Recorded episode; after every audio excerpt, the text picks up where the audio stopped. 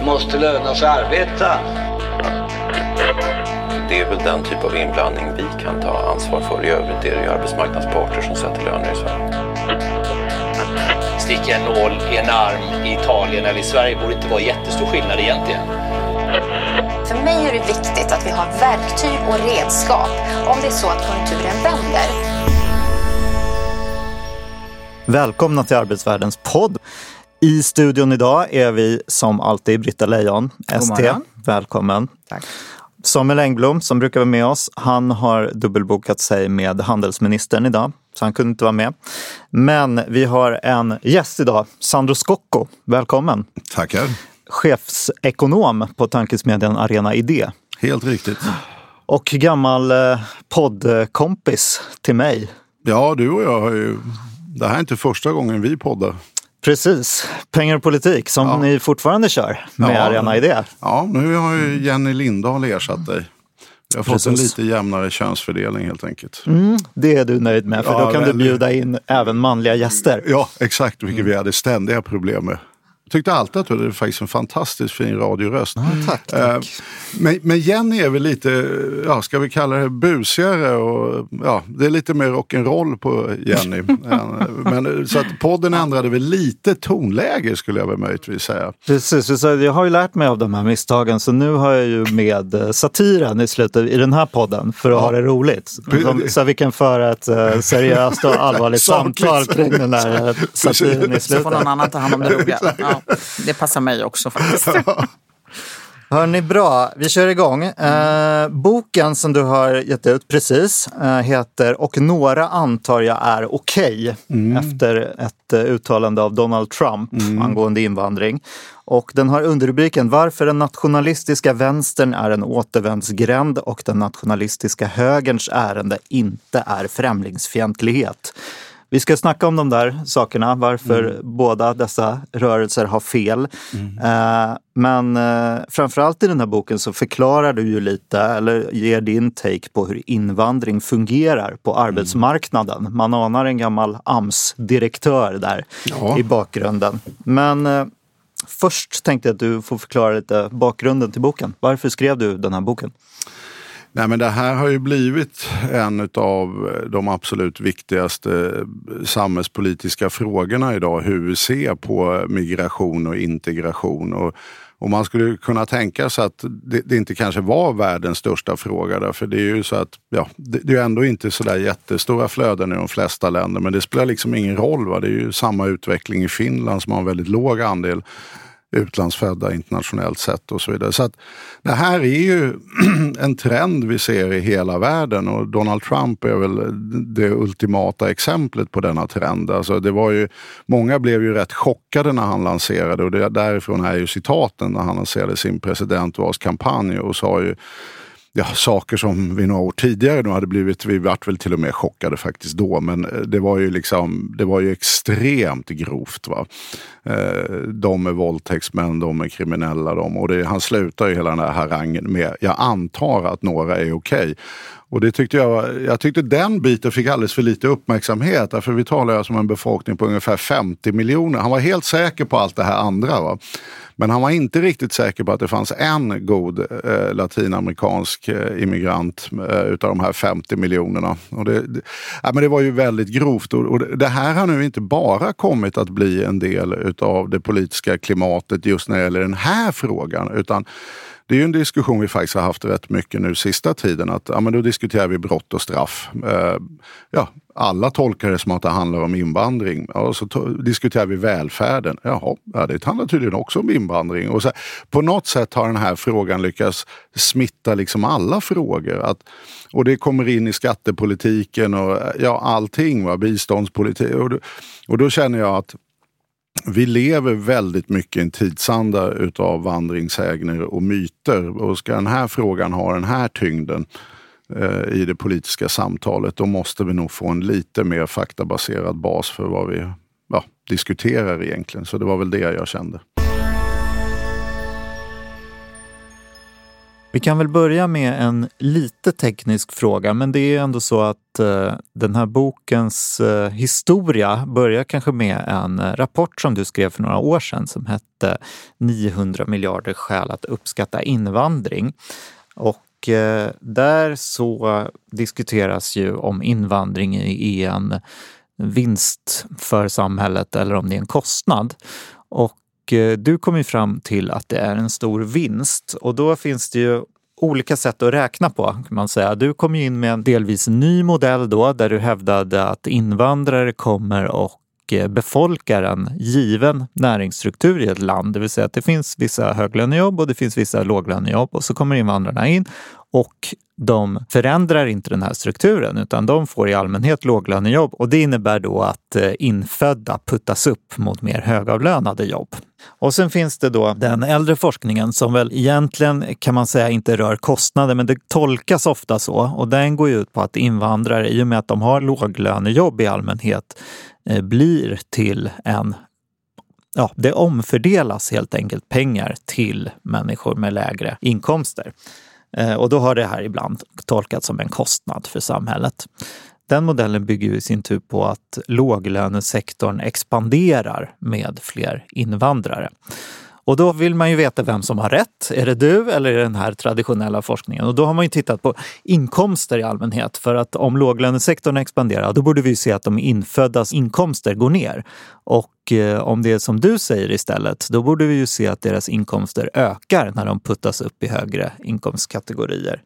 Och nu är forskningen ganska enig om att vi ser inga effekter på inkomster. Är det egentligen förenligt med din modell att ni inte har sett de här inkomstökningarna för lågutbildade infödda?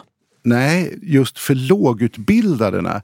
Men det man glömmer bort då är, är de som hävdar att det här inte flyger med den typen av inkomststudier är ju det att jo, men då tittar du just på lågutbildade.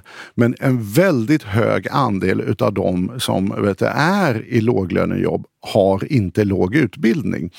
Så att det, det strider så att säga inte mot våra resultat, va? utan det är tvärtom mycket sannolikt så att om man till exempel ja, ska ha en eh, arbetsledare, va? alltså den enkla modellen som alla liksom de här forskarna som jobbar med det beskriver är ju egentligen att befolkningen ökar, då blir det ett arbetsledarjobb till också. Eh, därför liksom det blir fler anställda. Då måste någon få det här arbetsledarjobbet. Vem får det här arbetsledarjobbet? Jo, det är de som är svenskfödda. Så de får karriärsmöjligheter som du var inne på, trycks upp. Ja, om du har till exempel kanske 30 procent eller något liknande inom olika liksom, delsektorer utav personer som har högre utbildning i låglönejobb. Vilka är sannolikast att få det här arbetsledarjobbet? Jo, det är ju naturligtvis de med högst utbildning bland de med lägst lön helt enkelt. Men du, har ni gjort några inkomststudier på inföddas inkomster? Och sett någon utveckling där? där skulle vi, ni kunna göra det? Ja, och vi skulle ju få det rätt självklara resultatet i och med att det är precis det som händer. I och med att vi vet hur inkomsterna ser ut för svenskfödda så skulle vi ju få att just inkomsterna har ökat för svenskfödda. Därför att vi vet ju det att om, om, vi, om vi nu eh, tar näringsstrukturen given av andra faktorer som kollektivavtal, arbetsrätt och ja, vad det Ja, nu då är. måste ju inkomsterna ja, öka. Ja, mm. Och vi vet att svenskfödda har en mycket, mycket högre inkomst än vet, eh, utlandsfödda har. Så är ju den enkla sanningen den att om utlandsfödda inte skulle finnas i Sverige. Det, det slog mig faktiskt för fem år sedan när jag gjorde den här 900 miljarder och sen åkte på besök till Finland och skulle hålla ett tal. Att när man hoppar in i en taxi i Finland, då är det ju eh, finska eh, personer som kör taxin. Och det är det ju inte när du hoppar in i en taxi i Stockholm. Och det här just speglar ju det att nej men då skulle ju vet, svenskfödda köra taxi, jobba som undersköterskor, städare och så vidare. Va? Så ni behöver inte göra den här typen av studier ja, det, eftersom jag, du har varit i Finland? Nej, inte alls. Utan jag skulle säga att man behöver inte göra den här, studi- den här typen av studier i och med att resultatet är fullständigt givet givet utav att vi vet ju att genomsnittsinkomsten för svenskfödda är mycket högre. Och det är ju här jag tror en annan del utav det som är väldigt intressant. Det är ju nämligen det att man tror ju, när, man, när de säger att det är en kostnad, vilket det inte är, utan det är en omfördelning, då tolkas det ju här i samhällsdebatten som Att att det, då hänvisar du på invandring? Ja, invandring. Att, att vi omfördelar till utlandsfödda och då, då är det så att säga en kostnad. Då tänker sig alla, i och med att det också är bilden, att det här beror på att utlandsfödda inte jobbar och får så mycket bidrag. Det är därför de här kostar. Va? Det är inte alls det. Den här uppstår i huvudsak på grund utav att de helt enkelt har lägre lön. Alltså de har 30 procent lägre lön. Va? Och, och liksom, ha, alltså låglönegrupperna går alltid på minus i omfördelningstermer i statskassan. Alltså det, det är liksom, om man nu ska vara lite ja, rak på sak, det är det statskassan är till för. Alltså vi, vi omfördelar ju mellan hög och låginkomsttagare fortfarande. Va? Så att du hade ju, och det är det jag menar, va? Det, det är där de här studierna riktigt går eh, yxskaft. Va? Att, att eh, om, om de hade kommit ut och sagt vad egentligen deras studie visar, det vill säga att det sker en omfördelning mellan hög och låginkomsttagare. Den omfördelningen via staten har både en etnisk och en utbildningsdimension Eh, och en könsdimension. Alltså den har kön, etnicitet eh, och utbildning är delar i den här lönehierarkin vi har i landet. Vilket gör att det omfördelas till kvinnor, det omfördelas till lägre utbildade och det omfördelas till utlandsfödda. Då skulle ju folk vara så här Ja, det är det vi gör i staten. Och vill du komma åt då det här som de kallar kostnad, ja då måste du ju ta bort hela omfördelningen. Men det kommer ju i huvudsak drabba då kvinnor och de med lägre utbildning och inte utlandsfödda. Va? Så att det, det är det här jag tycker att hela den diskussionen har ju hamnat i väldigt tokig låda. Va? Att, ja, det är en omfördelning. Men det är faktiskt det staten ägnar sig åt. Va? Att omfördela till låginkomsttagare, kvinnor och utlandsfödda på grund mm. av att de helt enkelt har lägre inkomster. Men du, sen så går du vidare i boken och du beskriver liksom två vägar som ekonomin kan ta vid invandring. Antingen den här eh, vägen som du beskriver att mm. eh, infödda flyttas upp och eh, näringsstrukturen består. Mm. Eller en potentiell utveckling där vi kan få en ökad låglönesektor mm. med ökad invandring. Beskriv lite varför det ser ut som det gör i Sverige och vad du tror kan bli framtiden och vad, vad det här hänger på, hur det ska gå. Nej, men det här är ju då studier som inte bara är gjorda på Sverige utan även gjorda på eh, liksom, många andra länder. Och, det, och det, det, funkar ju fortfarande så att vi ser den här bumping up-effekten och att eh, liksom, de som är infödda i landet får bättre karriärsmöjligheter. Och så. Men samtidigt har vi ju sett andra länder som kraftigt har expanderat låglönesektorn och det är här jag tycker att det är viktigt att hålla tungan rätt i mun. Va? Därför den modellen som vi arbetar i botten med är en modell som Tabellini har gjort, en nationalekonom. Uh, och då är det i princip, då, han säger ju inte det rakt ut, men i praktiken så kräver hans modell för att kunna fungera social rörlighet och att kapitalstocken växer. Och det låter lite konstigt kanske. Men, och vad menar du med kapitalstock? Ja, exakt. Va? Att det betyder ju bara att om det kommer in fler människor, då måste ju ekonomins storlek anpassa sig. Alltså blir det dubbelt så många människor, ja, men då måste du ha dubbelt så mycket bostäder, vägar och fabriker också. Va?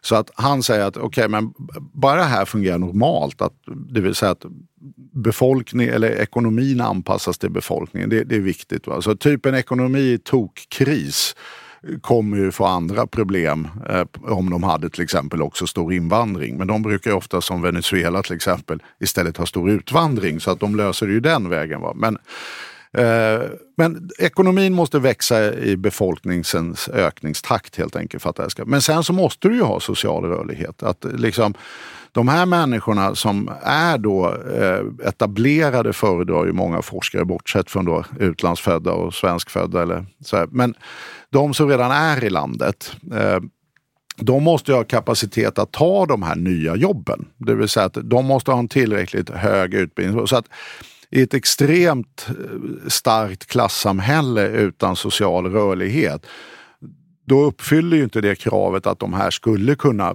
ta de här nya jobben. Eh, och då hamnar man, skulle man ha ett samhälle utan tillväxt och med extremt låg social rörlighet, Ja, då kommer ju låglönesektorn expandera därför att de, de här som redan är i landet blir kvar i låglönesektorn. De har ingenstans att flytta helt enkelt. Och då får man löneeffekter och så vidare. Uh, och det här har ju delvis hänt då, men det har inte hänt på grund av invandringen. Det är ju det studierna säger. Det är också sånt där som är knepigt att när någon säger så här, ja men det har inte skett några låglöneeffekter uh, och då blir folk så här, men herregud, jag menar, titta på USA, det har ju gått hur dåligt som helst för dem. Jo, jo men det, det den här forskningen säger, det är bara att det har ingenting med invandring att göra. Det, det, är liksom, det, det, är inte det att de inte har fallit, den säger. Utan de försöker hitta ett kausalt samband som det heter, va? det vill säga ett orsakssamband. Va? Och, och där är de ju egentligen, nej det beror inte på invandringen. Men de har ju gjort massa andra saker i USA de senaste liksom 30, ja det börjar närma sig 40 åren nu. Va? Uh, och det har ju handlat om union busting och eh, liksom försvagade transfereringssystem som har sänkt reservationslönerna och så vidare. Och så det har ju pressat ner lägsta lönerna. Uh, och då har man ju kunnat ackommodera, som det då så vackert heter, det vill säga att de har kunnat anpassa ekonomin till invandringen genom att de har en kraftig expansion utav eh, låglönejobben. Och då hamnar ju naturligtvis fler amerikanskfödda kvar i låglönesektorn. Och de får uppleva också konkurrens utifrån de här eh, utlandsfödda. Vilket inte är så kul. Så att det är ju det jag kallar för negativ integration. Att det här blir ju dåligt för de som redan är i landet. Att, det, att de som är rätt välbeställda de får tillgång till billigare tjänster som de köper, till exempel hushållstjänster. I USA så blir det ju på grund av fallande löner. I Sverige blir det på att vi bestämt oss för att subventionera oss. Det är vår egen lilla variant på union busting. Va? Att liksom, ja, men hur skapar vi det här? Jo, vi halverar lönen via skatterabatter. Liksom. Och, och här tycker jag att här finns det ett väldigt tydligt politiskt val att göra. Att jo, det, det är såklart att du, du, kan anpassa dig till den här situationen via då att ja, union busting, kräva lägsta löner och så vidare. Va? Och då kommer fler, den stora effekten blir, då kommer fler svenskfödda vara kvar i låglönesektorn. Eh, och du får den här starka fördelningskonflikten emellan då de med lägsta lönerna och högsta lönerna. Och här tror jag att det är en jättedum väg att gå därför den är nämligen inte ens Pareto-optimal som kära Mikael skulle uppskatta.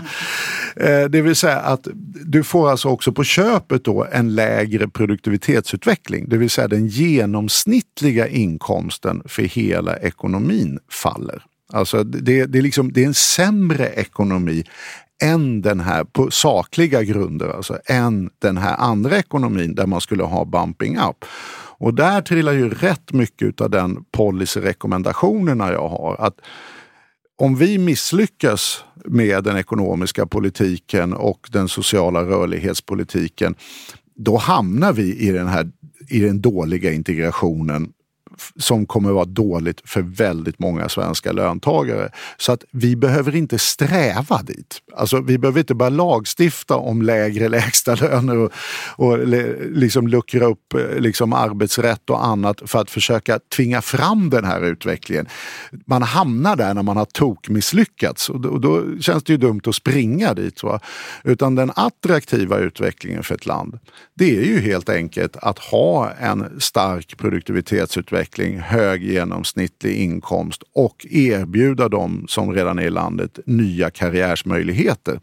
Och det, det, är ju den, det är väl det som alltså är min... hålla ja. fast vid mm. det som ändå alltid har varit eh, framgångsfaktorer det är ju för det. samhällsekonomin och för, för att göra bra liv för alla människor. Det här är Oavsett inte så... faktorn om det finns invandring eller inte, det är det du säger. Ja, och det här är ju inte den... så långt ifrån ren, gamla hedliga ren Meidner i någon mening. Va? Alltså vi, att, att försöka tvinga fram en större låglönesektor med ursäkt att vi har invandring.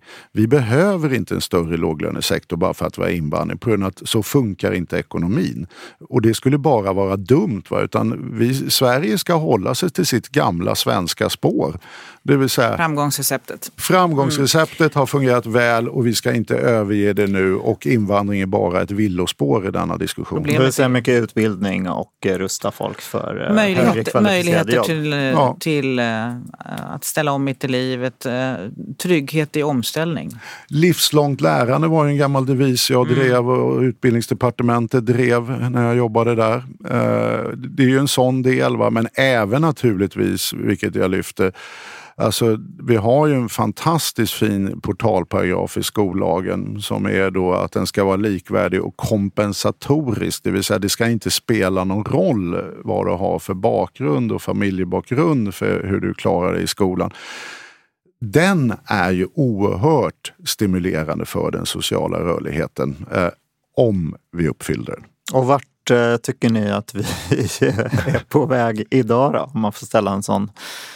Jag tycker att det står och väg. Jag tycker att vi har tagit i Sverige de senaste åren ett antal beslut som inte har varit åt rätt håll. Samtidigt som vi fortfarande har eh, jag menar, vi har fortfarande en fri utbildning. Alltså det kostar inte att gå på universitetet i Sverige. Vi har fortfarande ganska stora möjligheter för vuxna som behöver lära nytt mitt i livet att göra det. Men å andra sidan så har vi en a-kassa som inte längre bidrar till trygghet i omställning. Eh, och vi har eh, en, som vi har pratat om så många gånger, en arbetsmarknadspolitik som inte längre bidrar till omställning på det sätt den borde göra. Och hur det ser ut i utbildningssektorn är ju också någonting man kan verkligen fundera över. Men alltså jag går ju, man när jag har skrivit den där lilla boken, så jag går ju igenom en hel del eh, liksom, studier och forskning kring de här faktorerna i och med att jag ser just eh, liksom, ja, kapitalstockens tillväxt och rörlighetsfrågan som centrala för att uppnå en positiv integration. Uh, och där är det ju tyvärr så att Britta har ju helt rätt i att Sverige i ett internationellt sammanhang klarar sig fortfarande väldigt bra när det gäller social rörlighet och att vi har det här med fri eh, utbildning, inte minst på universitetsnivå och så vidare. Va? Men det är också så enligt studier bland annat från OECD att Sverige är ett av de land, länder som har försämrat sin sociala rörlighet mest utav alla länder. Så att det, det är väl ett av de små varningsfinger jag skickar upp. Det är ett gäng varningsfinger som dyker upp i boken. Va? Och ett är ju det, vi lever väldigt mycket på ett lånat kapital nu. Vi, vi byggde upp under en lång period starka sociala strukturer och social rörlighet och som var en konst. Det är ingenting utav Gud givet eller för att man är svensk. Va? Utan det här byggdes upp utav liksom det offentliga och samhället. och Vi- strävsamma ja. folkrörelser och människor som Ja, har slitit exakt. före oss. Alltså. Ja, nej, men det är ju det. Va? Och, och nu har vi, vi har tullat friskt på det där kapitalet de senaste 25 åren. Och det, och det med socialt kapital är ju lite så här, det är rätt trögt. Va? Alltså det, man kan dra i det rätt mycket innan det går sönder. Va? Men förr eller senare går det ju sönder. Och det är en del som jag citerar också. I England skulle jag säga att har det nog gått sönder. Eh, Där är ju sociala rörligheten närmast obefintlig och det, det tycker till och med högern är problematiskt. Så att de har ju tillsatt från regeringens sida en social rörlighetskommission som jag citerar då friskt ur. Eh, och det är ju liksom, de hade ju också social rörlighet en gång i tiden va? men den är ju inte kvar helt enkelt. Och då pekar de ju på Stora skillnader i utbildningsmöjligheter och barns uppväxtförhållanden, stora skillnader i socialt och kulturellt kapital och stora skillnader i inkomster pekar de på eh, är de här grundläggande faktorerna som har minskat den sociala rörligheten. Och där har ju England gått i rocket speed sedan ja, början på 80-talet. Va? Och vi, vi linkar ju efter men eh, varningens finger handlar väl om att vi, vi börjar nog eh, Närma oss en tipping point, ja. Ja. Om vi inte liksom fortsätter och inser vad vi har innan det är borta. Japp, det är väl det som är varningens finger. Hörrni, ska vi gå in på invandringens kostnader? De är du inne och eh, nuddar vid i boken också. Eh, om man räknar på det liksom traditionella sättet då med tvärsnittsstudier, som den här modellen som vi har pratat om. Eh, Då kommer man fram till att ungefär den invandringen som vi har haft eh, kring kanske 30-40 000 personer per år har kostat då en knapp procent av BNP om man ser till den här, alltså okej vi ska inte säga kostnader, vi ska säga Nej. omfördelning. Säga Sandra. att det gör inte de heller Nej, egentligen. De, omfördelning. det, det, det är när de slarvar och är Ja. ute och fiskar i media så kallar de I studierna så eh, kallar de det ju faktiskt omfördelning. Det är inte, de har inte beräknat kostnaden. Nej, omfördelning. Är det här mycket eller lite pengar? Ja, det är ju mycket pengar, det måste man ju säga. Alltså om vi nu pratar om eh, 40 miljarder per år, är det så ungefär? Ja, det, Ja, 65 då kanske. ja, Ja, det är ju ganska mycket. Det får man en hel del för. ja. det är ungefär försvaret. Nej men, det, men, det är det, men du, du kan ju inte ha jag, jag tyckte frågan kanske du var tycker lite... det är fel. eh, Ja, Ja, du men jag försöker, jag försöker gå på någon sorts invandringskritisk eh, linje. Så. och om vi ska liksom sammanfatta argumenten emot invandring och drar till lite grann och resonerar på ett sätt som kanske ändå många skulle göra. Eh, I och med Jo, att de här, i och med att blir- de här forskningssiffrorna Men- men- ändå uppfattas som någon jag- sorts Alltså det är klart att det är kostnader. skitmycket pengar. Ja. Men samtidigt så måste man ju liksom, eh, många av dem som kommer till Sverige oavsett om de kommer hit av eh, arbetsinvandringsskäl eller asylskäl, så småningom, men det tar ju tid för en del. Mm. Börjar jobba, betalar skatt. Eh, till skillnad från de kära barnbarn som jag har fått i år. Mm. Som ju, det Grattis. dröjer 20 år ja, eh, tills man börjar jobba. Liksom, och under den tiden kostar det pengar. Så att, I bästa fall. Ja, precis. Så att det är klart att det är en stor kostnad. Men om vi nu ska prata om kostnader så finns det ju en uppsida med det där. Det är en massa saker som vi inte har betalat också. Så att allt är väl relativt, eller beroende på vilket perspektiv man har. Och sen vad är det vi vill uppnå? Man ser hur arbetskraften har utvecklats i Sverige så vet ju jag att vi är beroende av invandring för att vi ska kunna ha en, en expanderande arbetsmarknad. Så alla, alla infödda som kan jobba, jobbar. Och vi har ändå stora behov av fler som är i arbete. Och det är ju liksom de, de som har invandrat som har bidragit till utökningen av arbetskraften de senaste åren. Så att, eh, Ja. jag menar, eh, ja, det är jättemycket pengar. Men alternativkostnaden, om vi inte hade haft invandring, kanske är ännu större. Det, Ja, men det är ju, det är väldigt mycket i stats, alltså statsbudgeten är ungefär på lite drygt tusen miljarder. Va? Eh, och vet du, det är ju väldigt mycket i det som är omfördelning. Eh, och den, den går ju via, eh, också exempelvis via eh, välfärdstjänsterna. Alltså välfärdstjänsterna är ju en magisk omfördelning. Man, man betalar in progressivt, alltså det vill säga att de som har större skattekraft betalar in mer och sen levererar man ut liksom närmast per capita. Va? Alltså den som har brutit ett ben får det lagat och så vidare. Va? Det i sig leder ju till starka omfördelningseffekter bortsett från de här som vi har för liksom inkomstsidan och transfereringssidan. Så att det, det, det sker ju en väldigt stor omfördelning. En omfördelning, eh, alltså det, det, det, man, man måste komma ihåg, de här forskarna säger aldrig att de studerar någonting annat än omfördelning. Alltså det, det du gör nu, det är att du tar en, liksom en närmast främlingsfientlig retorik i att du just kallar det kostnader, för de älskar ju att kalla det för kostnader. va. Utan en omfördelning i statsbudgeten på 1 procent, en stor omfördelning i förhållande till de andra omfördelningar som till exempel går till kvinnor och generellt lågutbildade. Nej, det är en väldigt liten omfördelning. Eh, och det är ju det här som är liksom saken. Alltså det, det, det finns så mycket sådana här föreställningsvärldar som jag tror att man inte ska acceptera utgångspunkten i. Det, jag tycker att det, det är rent ut sagt felaktigt att acceptera utgångspunkten att det här är en kostnad. Va? Utan det här är en omfördelning. Och då, då är just den här bilden också Nej men det är ju en kostnad därför allihopa går ju på socialbidrag. Jag, jag får ju in väldigt mycket, eller då försörjningsstöd som det heter, men det, det vet inte Twitter om. Men, men vet, eh, jag får in väldigt mycket sånt i min eh, liksom, mailkorg och Twitterflöde. Eh, och de jobbar ju inte.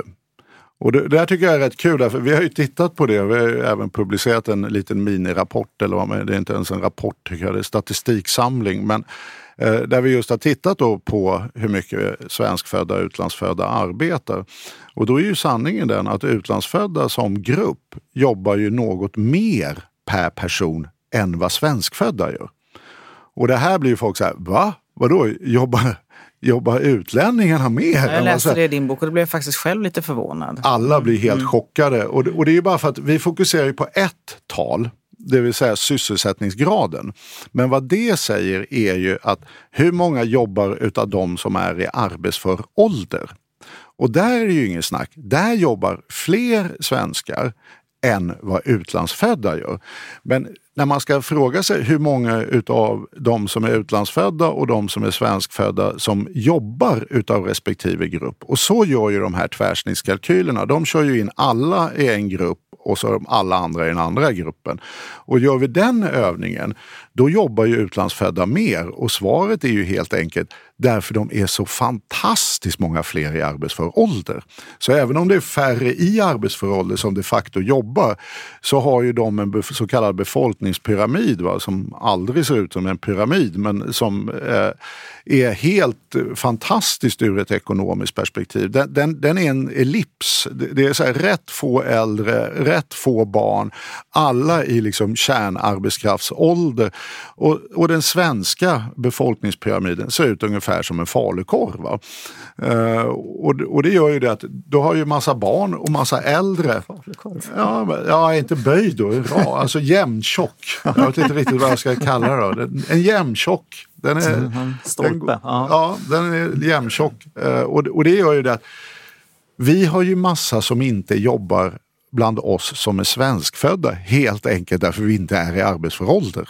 Vi har slutat jobba eller inte börjat jobba än. Va? Och det där påverkar, alltså tittar man just på statsfinanserna så är det någonting som slår igenom på statsfinanserna så är det just den här så kallade försörjningskvoten. Det är liksom det som är det helt, det är egentligen det som är tricket när det gäller statsfinanser. Har man som finansminister ett läge med fantastiskt mycket människor i arbetsför ålder och väldigt lite gamla och väldigt lite unga, då kommer man förvisso få ett framtidsproblem när man inte har någon arbetskraft i framtiden. Men just där och då kommer ju finansministern kunna ha hur roligt som helst. Va? Därför det är massa pengar in och inga pengar ut. Va? Hur mycket invandring eh, ska vi ha i Sverige då? Hur mycket, som ditt kapitel heter, då, hur mycket invandring tål Sverige att inte ha? Ja, och det där är ju så här, jag, jag, kan också bli lite fascinerad över den här kunskapsbristen om de rent statistiska sakförhållandena. Att om vi inte hade haft invandring i Sverige, eh, då skulle Sverige ha varit en krympande befolkning de senaste 30 mm. åren. Absolut. Eh, och vi hade haft en mycket, mycket högre andel äldre. Okej, okay, finns det någonting i världen där vi kan hitta ett område som ungefär har den här utvecklingen? Ja, det gör det ju. Va? Så att jag, vilket jag skriver i boken, va? Om, om ni tror att att ha en krympande befolkning med en kraftigt ökande andel äldre är en sån fantastisk affär mm. för statsfinanserna så ring närmaste glesbygdskommun och fråga hur det känns. Va? Eh, och det här är också sånt där som jag tycker är jättetråkigt. Va? Att nu har de ju lyckats göra den där typen av problematik som är jätteallvarlig och strukturell och som måste hanteras till också handla om invandring. Ja, det går dåligt i Hagfors eller någonting annat som slutar på fors. Va? Ja, det är invandringen. Nej, kära lyssnare, det är inte invandringen.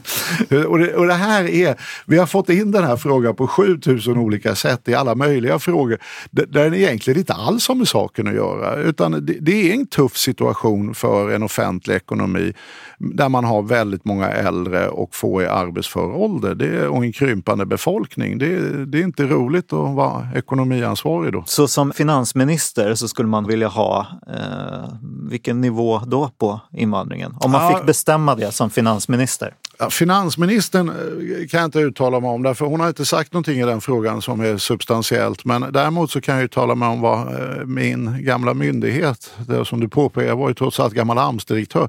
Och de ligger ju på någonstans en eh, invandring på ungefär 50-60 000 och det är betydligt över, om vi nu inte, vi har ju mycket högre invandring men det är ju alltifrån gäststuderande till arbetskraftsinvandring och så, men människor som avser att stanna i landet och bo permanent så skulle vi behöva ett tillskott kanske ungefär på 50-60 000 eh, varje år. Och det är betydligt högre än vad vi har Det är idag. betydligt högre än vad vi har idag. Det är ungefär de nivåer vi hade alltså före det vi kallar för flyktingkrisen. Mm. Alltså, då låg vi ju någonstans där.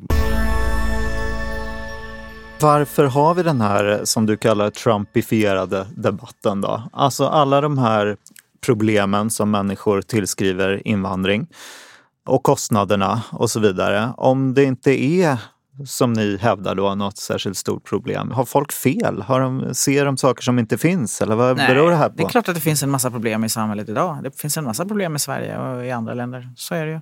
Men just att det är kopplat till invandringen? Ja, men där, där tror jag att...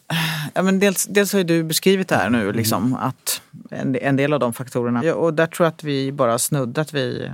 Det finns nog flera, flera skäl till varför man väljer att beskriva det i termer som att det beror på invandringen. Det men det gör inte göra. det. Finns det inte saker som till Det exempel det finns- kompenseras kommunerna Ja, men det är klart att det finns, invandring? det Alltså, finns kanske problem som finns också såna- har att göra med invandring. Jag menar, kulturkrockar Mm. eh, definitivt har att göra med invandring. Eh, så, och att vi diskriminerar. Alltså, det finns ju massor med problem som har att göra med det. Men alla samhällsproblem har ju definitivt inte att göra med att vi har fått en massa eh, liksom, nya svenskar i landet. Utan det beror ju på andra saker. Ja, och här finns det också rätt spännande forskning. Det är, det är en diger referenslista får jag ändå säga. Va?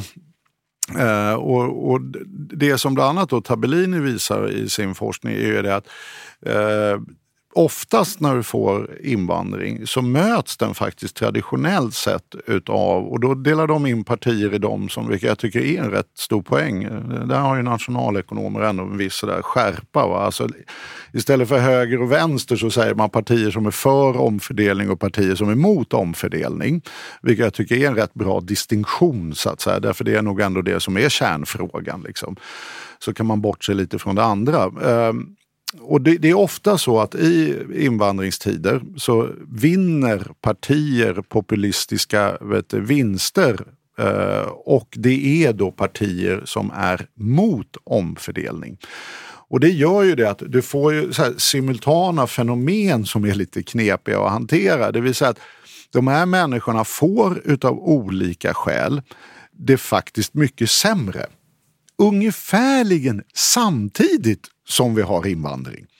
Eh, och, och att det här då utav olika människor kan utnyttjas är ju inte konstigt och det är inte heller okomplicerade perspektiv. Det, det finns ju svensk eller internationell forskning, men där också svensk deltog, när man tittade på Sverige eh, och upptäckte just att det fanns ett direkt kausalt samband mellan till exempel Reinfeldt 1 och 2 och deras eh, arbetslinje och vilka som drabbades i både vilka som röstade på SD och vilka som representerade SD. Va? Eh, och här är Johanna Rickne och Torsten Persson och Ja. Olle Folke kanske. Ja, precis. Det var en till. Jag vågade inte klämma Nej, till. Jag, inte jag är så sjukt dålig på namn. Så att, men du har helt rätt, är den. Eh, man kan läsa boken och hitta referensen. Eh, och, och det här gör det ju väldigt knepigt därför att det har ju drabbat väldigt många människor. Alltså som Britta var inne på, jag menar försämrad a-kassa, försämrad sjukförsäkring, minskade eh, resurser till välfärden och så vidare. och så vidare. Allt det här som- Kapital beskattas väldigt mycket Kapital mindre idag. beskattas och väldigt mycket mindre. Mång, många, många har blivit rikare på den utveckling som vi har sett. Ja, inkomstskillnaderna har ökat Precis. dramatiskt. Eh, Vissa åker runt i en Merca och åker jorden runt och andra känner att jag får inte ihop till matkassan. Och liksom. pensionen räcker inte. Mm. pensionen räcker inte. Och Så, att det är klart att skillnaderna i samhället har ökat dramatiskt. Ja, de Mm. har ju det. Va? Och inte minst när det gäller pensionärer. Va? Och det, det, där gjorde ju vi en pensionsöverenskommelse va? som de facto innebar detta också. Va? Ehm, och då är det ju så att allt det här har ju hänt. Men inte ens när du går tillbaka, vilket jag påpekar, inte ens när du går tillbaka till de här reformerna som har skapat den här ilskan och irritationen bland stora grupper utav försämringar, så motiverar den som ens utav besparingar. Alltså, ja, pensionsreformen gjorde ju delvis det får man erkänna. Men, vet, eh, men inte på grund av invandring då, utan, utan just de här demografiskälen. Va?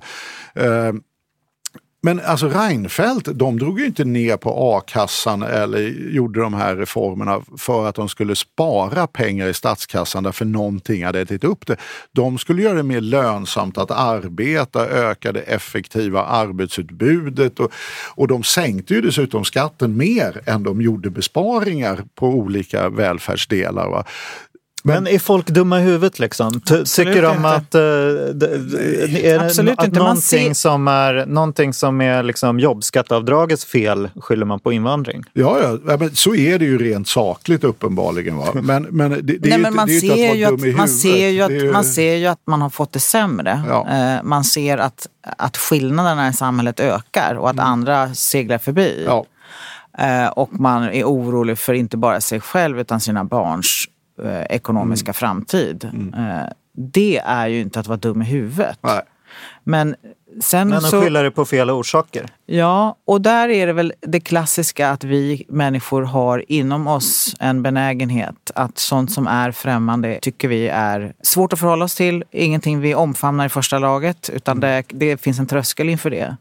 Och om då det kommer eh, människor som med olika retoriska och demagogiska knep beskriver det som att, ja, att det faktum att vi har tagit en massa beslut i, liksom i Sverige blir då inte det viktiga utan då skyller man mycket på invandring. Och det, det är Vilket lätt. man gör i politiska syften. Ja. Va? Alltså, och, och där det då kopplar in... Jag kom in på det här på slutet Sandro, som, Ja, du, som det- du utlovar i början av boken. Varför den nationalistiska vänstern har fel och högern inte alls är främlingsfientlig utan vill någonting annat. Du skriver ju ganska rakt på sak i boken att eh, den nationalistiska vänstern, men det menar du väl då en eh, ja, vänsterförespråkare som är för omfördelning men tycker att vi bör minska invandringen. De, de kunde ha varit uppfunna av Cambridge Analytica i någon sorts uppdrag av högerpolitiker. Alltså Ja, de, de, är, de är egentligen nyttiga idioter åt högern, Ja, säger det, du. det skulle jag säga. Ja, alltså det, om, om man ska definiera den eh, liksom, eh, nationalistiska vänstern så kan man väl säga att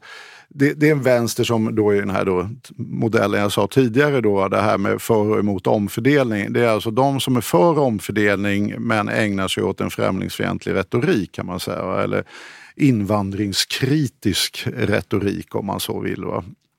Eh, jo, men det, det har ju med de här frågorna att göra. och där tycker inte jag att det, jag vänder mig oerhört starkt emot dels det här med, ja, folk är dumma i huvudet. Va? Alltså, folk är ju sådär, du vet, landstället eller båten eller överleva eller vad ska ta barnen ta vägen, vilken skola ska de gå i, vad händer på jobbet? Alltså, det, det- är där liksom människors fokus och intresse ligger i såna här politiska nördar som vi är, va? Alltså, vi ägnar ju typ all vaken tid åt att tänka på det här och är rätt onaturliga som människor skulle jag säga. Och, det, och jag ser inget konstigt i att man har andra intressen. Men, men däremot när man då Men inte... det är väl inte alla som ägnar hela sin tid åt att tänka på de här frågorna som landar i samma slutsatser som, som Nej, ni, men däremot kanske. är det jag menar är att det är väldigt Nej. lätt att, att vara så att säga, om man bara deltar liksom rätt ytligt i samhällsdebatten och är intresserad av de här mer livsfrågorna som är mer akuta, att man, man färgas av den debatt som förs. Liksom. Och, de, och den debatt som förs är just det här att nu när även det finns att säga, en sån ja, homogen uppfattning där invandring beskrivs så negativt och i former, i for, liksom kostnader och så vidare. Att det är inte så konstigt att människor säger så här, ja men neddragningarna i välfärden beror säkert på eh, liksom, eh, ja, invandringen. Va? Alltså, tittar du till exempel, det citerar jag i en annan studie i boken, alltså alla sd tror att besparingarna har Eh, kommit utav invandringen och det, det är ju rent sakligt fel helt enkelt. Och, och, och det, att, men det, det är såklart att det är lätt att skapa sådana bilder och jag tycker att det är orimligt att förvänta sig att hela svenska folket ska vara politikernördar. Liksom. Det, utan här finns det ju ett ansvar för det politiska samtalet och den debatt som förs och den, det ansvaret har vi ju allihopa. Men berätta om din ganska rättframma kritik av eh, omfördelningsförespråkare som då med dina ord använder främlingsfientliga Ja, eller invandringskritiska så får man retorik. mindre mm. fäst i Twitterflödet. Men vi kan säga invandringskritiska. Man, man, man spär på en bild, för det är ju det som är det väsentliga här rent funktionellt. Eh, Jag jobbar ju alltid i någon slags teorimodell. Va? Men det, det som man brukar säga det är ju det att om ojämlikheten ökar i ett samhälle ehm, så kommer det en efterfråga på ökad jämlikhet via demokratiska val. Så att det, det är någon slags här evighetsmaskin. Nu ökar det, folk blir sura, de kommer rösta fram mer jämlikhet och så går den där kurvan upp och ner så där över tiden den kortsluts utav främlingsfientlighet. Och då, då är ju naturligtvis ökad omfördelning är ju naturligtvis vänstern då. Inte Vänsterpartiet utan ja, eller center eh, left, någon mening. Va? Alltså då, människor som helt enkelt i någon mening ändå är för då ökad omfördelning.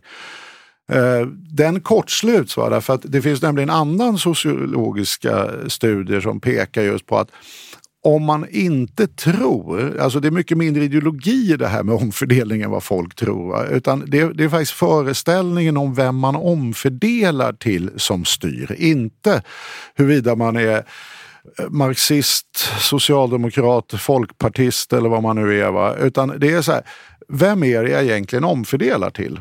Uh, och är det då grannen som utav konjunkturskäl just har fått sparken som han inte hade någonting eller hon med att göra. Då är det så här, ja, men det är såklart Bengan och Lisa inte ska behöva flytta från radhuset bara för att uh, ja, konjunkturen har vikt ner och den kommer ju komma upp så småningom och Bengan och Lisa vill ju jobba och ja, men då ska vi ha bra omfördelning tycker grannen. Va? Men däremot när människor har en uppfattning om att de här som får omfördelningen inte är förtjänta utav den eh, då vill man inte omfördela. Och det kan vi titta på sjukförsäkringen. Den reformeringen började ju med att eh, då KD på den tiden då ifrågasatte legitimiteten i de som mm. fick pengarna. Va? Och utan den legitimitetsfrågan så hade man aldrig klarat av att göra de här eh, förändringarna. Va? Eh, därför om du säger till någon så här, Ja, men ska en cancersjuk kvinna som inte kan gå till jobbet, ska hon behöva svälta? Då är svenska folket svar så här, nej, hell no. Det är ju fullständigt oacceptabelt. Säger du, vill du att dina skattepengar ska gå till massa simulanter som inte har lust att gå till jobbet? Eh, då säger svenska folket också hell no. Så att den här bilden av vem man omfördelar till är helt avgörande. Så att det som händer när man säger att jag är för omfördelning men jag hänger in i en invandringskritisk retorik, det är att du skapar en bild att ett, det omfördelas till de här, att det i huvudsak dessutom, vilket naturligtvis återigen är helt fel på sakliga grunder, att det i huvudsak in, eh, omfördelas till de här eh, invandrarna. Och de är dessutom inte förtjänta utav det. Eh, det finns ju, eh, som jag också hänvisar till, forskning från Harvard där man just pekar på detta. Så det här är inte helt taget ur luften utan det är stabil Harvard-forskning på sex länder där Sverige dessutom ingår. Och föreställningen om invandrarna konstaterar de, därför de har gjort eh, studier och tester då också, att de, de anses alltid mycket, mycket mer kulturellt avvikande än de är. Bidraget från dem vet du, underskattas kroniskt och stort och så vidare. Va? Och om du har bilden så här Nej, men mina skattepengar går mest till omfördelning, det vill säga kostnader då i den här gamla hedliga modellen. Eh, och det går till de här människorna som är ja, muslimer, de är bättre, jihadister och det enda de vill göra är att döda oss eh, svenskfödda. Va? Och så frågar du svenska folk, har du lust att omfördela då via de här systemen till de här? Och då kommer svaret bli nej. Men kanske center-left-människorna då som eh, är mer kritiska till invandring eh, kanske skulle säga då att ja, men folk kommer alltid se på invandrare på det här sättet. Så om vi vill ha någon omfördelning kvar, då måste vi stoppa invandringen. Jo, fast det är också då en väldigt så konstig bild för att det är ju så, ja vi kan stoppa invandringen men vi har ju vet du, ungefär två miljoner utlandsfödda i landet. Va? Eh, och som då vill jag påpeka i genomsnitt då per totalpopulation jobbar mer än svenskfödda. Eh, så att, du, du kommer inte, genom att stoppa invandring så försvinner ju inte invandrarna ur Sverige. Eh, och så länge du kan upprätthålla... Till slut så upplevs de kanske inte som invandrare längre då? Ja, nu tänkte jag att du skulle föreslå något ännu obehagligare, men... Eh... Då är de del av nationen. ja, ja, kanske det. Men, Gud vad jobbigt att ta den här eh, Ja. rollen hela tiden. Ja, jag känner det. Så här, Micke, vad, vad har hänt med dig sedan du gick till TCO? Men, ja, men, eh, men det, det, nej, men det, det är ju så att vet, du, nej, det, det kommer inte gå. Och det visar sig att det är inte en volymfråga heller. Eh, och det visar ju även de här studierna. Uh, och det, därför det är ju så här, det är föreställningen om dem.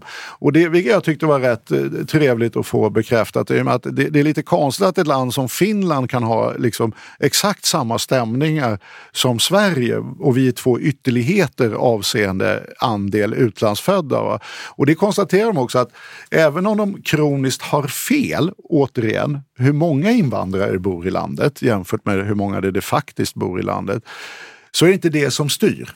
Utan det är faktiskt bara, så att det räcker nog tyvärr i princip med en. Så har du en du kan skapa de här föreställningarna kring och du dessutom har idén om att det är han som får alla pengar ifrån staten eh, så räcker det gott. Va? Så att det, mitt argument när det gäller det här Cambridge Analytica, att det här kunde vara hittat på, det är att man inte förstår att många av de här mellan skål och vägg skulle jag säga, att precis ditt argument, vi, vi hakar in i det här för att rädda omfördelningen. Vi, närmast utav populistiska skäl. Va? Att vi, vi kan inte gå emot det här därför vi ser ändå väl, liksom omfördelningen som kärnan. Så att då gör vi det här valet. Jag menar att det valet går inte att göra. Och det tycker jag också finns i de här framtidsstudierna. Eh, fram, vad heter det? Institutet för framtidsstudier gjorde ju en sån studie där de sa att Nej, men de här SD-människorna, ni inbillar er ju att de är vänster. Eh, men de har ju högervärderingar. De vill ju inte ha någon omfördelning. Alltså de har ju bara varit på fel ställe innan. Nu, nu när de har lämnat eh, ja, socialdemokratin och andra så är de liksom på rätt ställe var ju tesen då. Och då skulle jag säga, ja det, det är nog lite för snabb tes. Va? Jo, de här blir ju emot omfördelning. Så, så det vänster, center-left gör idag när man hänger med i den här eh, om, liksom, eh, retoriken är att man faktiskt omvandlar människor som är för omfördelning till människor som är emot omfördelning. Det, det, det är det som, och det där måste vänstern bara få kläm på, att de förstår att det ser ut så här. Att, nej, det går inte att rädda omfördelningen genom att vara invandringskritisk. Blir ni invandringskritiska, då eroderar ni hela basen för omfördelning och ni gör väljarkåren mer höger. Och den här boken har jag ju hållit på att pilla med ett tag. Va? Vi kan väl säga att det känns inte som att jag får jättefel om man tittar på opinionsundersökningarna för tillfället. Utan min lilla modell där förefaller ju leverera rätt väl i förhållande till vad, vad som händer i omvärlden. Du är inne på en eh, analys av eh, högern eller de som inte vill omfördela också i boken eh, och säger att eh, Ja, om man ska hårdra det, att eh, det här med invandringskritiken bara är en fasad egentligen för det verkliga målet som är minskad omfördelning. Ja, eller det säger jag inte. Alltså jag, jag säger väl så här. Jag, jag tycker personligen, vilket kanske folk skulle bli lite förvånade över att, att jag säger om man tittar på mina sociala medieflöden. Men, eh, jag, jag tycker hela den här debatten om rasism och främlingsfientlighet är grovt överdriven. Jag tror inte att eh, svenska folket är allmänt rasistiska och främlingsfientliga och jag tror inte heller att drygt 20 procent utav dem är eh, liksom born rasister utan Tvärtom så är det så, tittar man återigen då på studier med SOM-studierna så är ju så att den här typen av värderingar har varit kontinuerligt minskande. Va? Alltså, vi får allt mer progressiva värderingar. Det är liksom återigen sakläget. Va? Eh, och, och det här gör ju det att man får ju faktiskt säga att det är nog en hel del väljare som står ut med sina partier trots en viss retorik snarare än att de tror att de lockar dem. Utan de, de försöker ju locka de här marginalväljarna. Och här finns det ju då grupper som har preferenser för den här ja, nationalistiska, auktoritära, det som kallas då för TAN. Liksom. va. Ja, det är oftast män. Det är män med väldigt låg framtidstro och det är män som känner sig hotade utav utvecklingen. Så att vi, vi har säkert en liten hård kärna utav människor som kanske till och med också är rasister och så vidare. Va? Men den lilla spillran utav svensk befolkning skulle ju aldrig kunna ta makten i ett demokratiskt samhälle utan man måste fundera på de här andra som eh, vet, kan ta makten, det vill säga traditionella maktpartier. Eh, och det är ju då, eller maktcentran ska man väl också tala om kanske. Men det är ju till exempel då ja, Moderaterna, eh, Folkpartiet, Centern, alltså de traditionella partierna på högersidan. De måste på något sätt in i den här ekvationen för att kunna faktiskt förändra samhället utifrån ett maktperspektiv.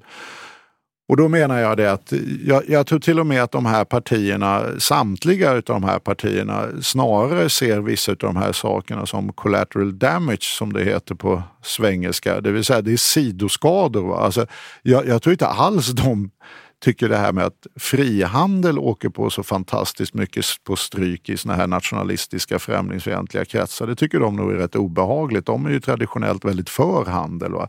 De är ju dessutom traditionellt för arbetskraftsinvandring och invandring och dynamik. Och så det är väldigt nyliberala värden som hotas utav det här. Va? Och då måste man ju ställa sig frågan, varför då börjar sådana partier? Därför så har det också varit i alla länder. Att varför liera sig till slut den typen av partier och därmed bildar den här maktkonstellationen som faktiskt kan ta makten? Ja, det gör de ju inte för att de är förtjusta i vare sig främlingsfientlig retorik eller är särskilt rasistiska utan det gör de därför det gynnar deras ekonomiska agenda. Det, det skulle jag säga. Allting, det är ju tvärtom så att, som jag var inne på tidigare, jag, jag, jag tror att de helst av allt skulle velat klarat av att genomföra sin ekonomisk-politiska agenda utan att behöva blanda in det här. Men nu ser världen ut som den gör och det ser vi även i, i USA, va? eller i alla länder men inte minst i USA.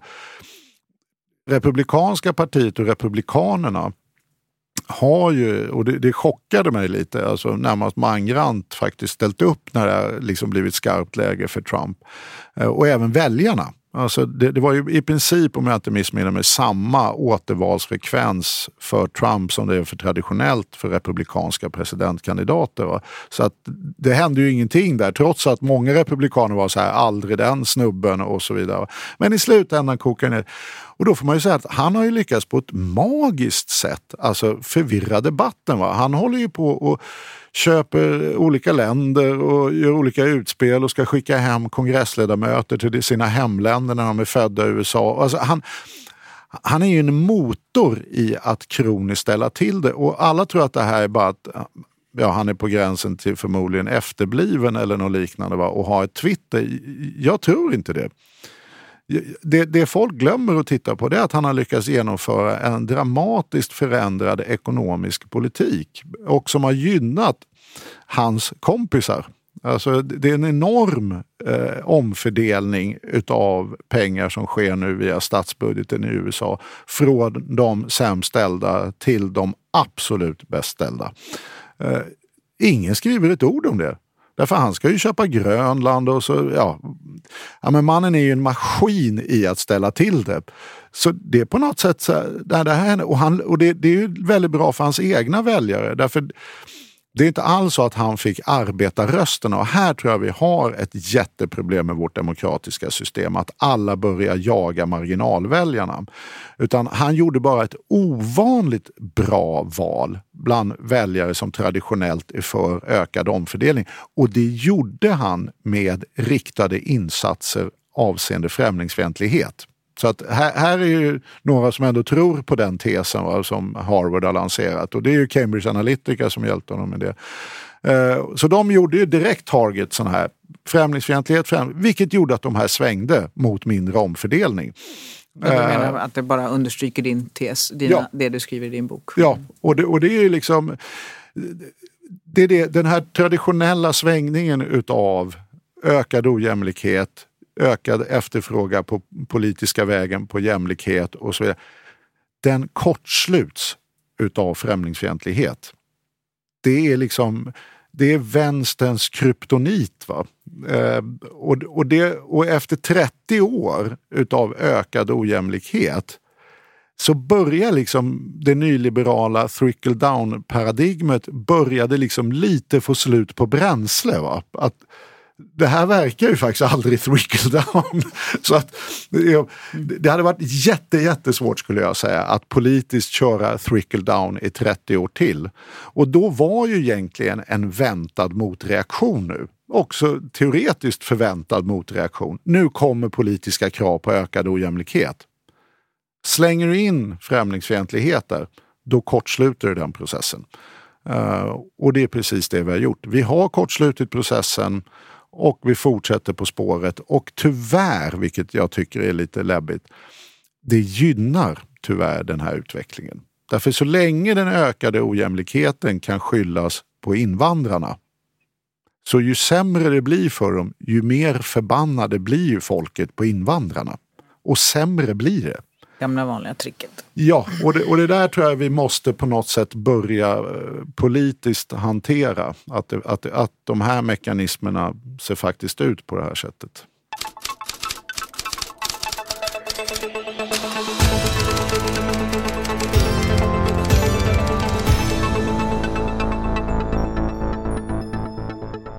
Ett alltför traditionellt Lucia-firande stoppades. Lucia-firandet på Västerskolan i Uddevalla avbröts av skolledningen efter att eleverna gjort en alltför bokstavlig tolkning av den gamla Lucia-myten. Det visade sig att föräldrar och anhöriga inte uppskattade att se en ung kvinna misshandlas, utsättas för sexuella övergrepp, brännas på bål, skollas med kokande olja och slutligen få ett svärd stucket genom halsen. Rektor beklagar händelsen.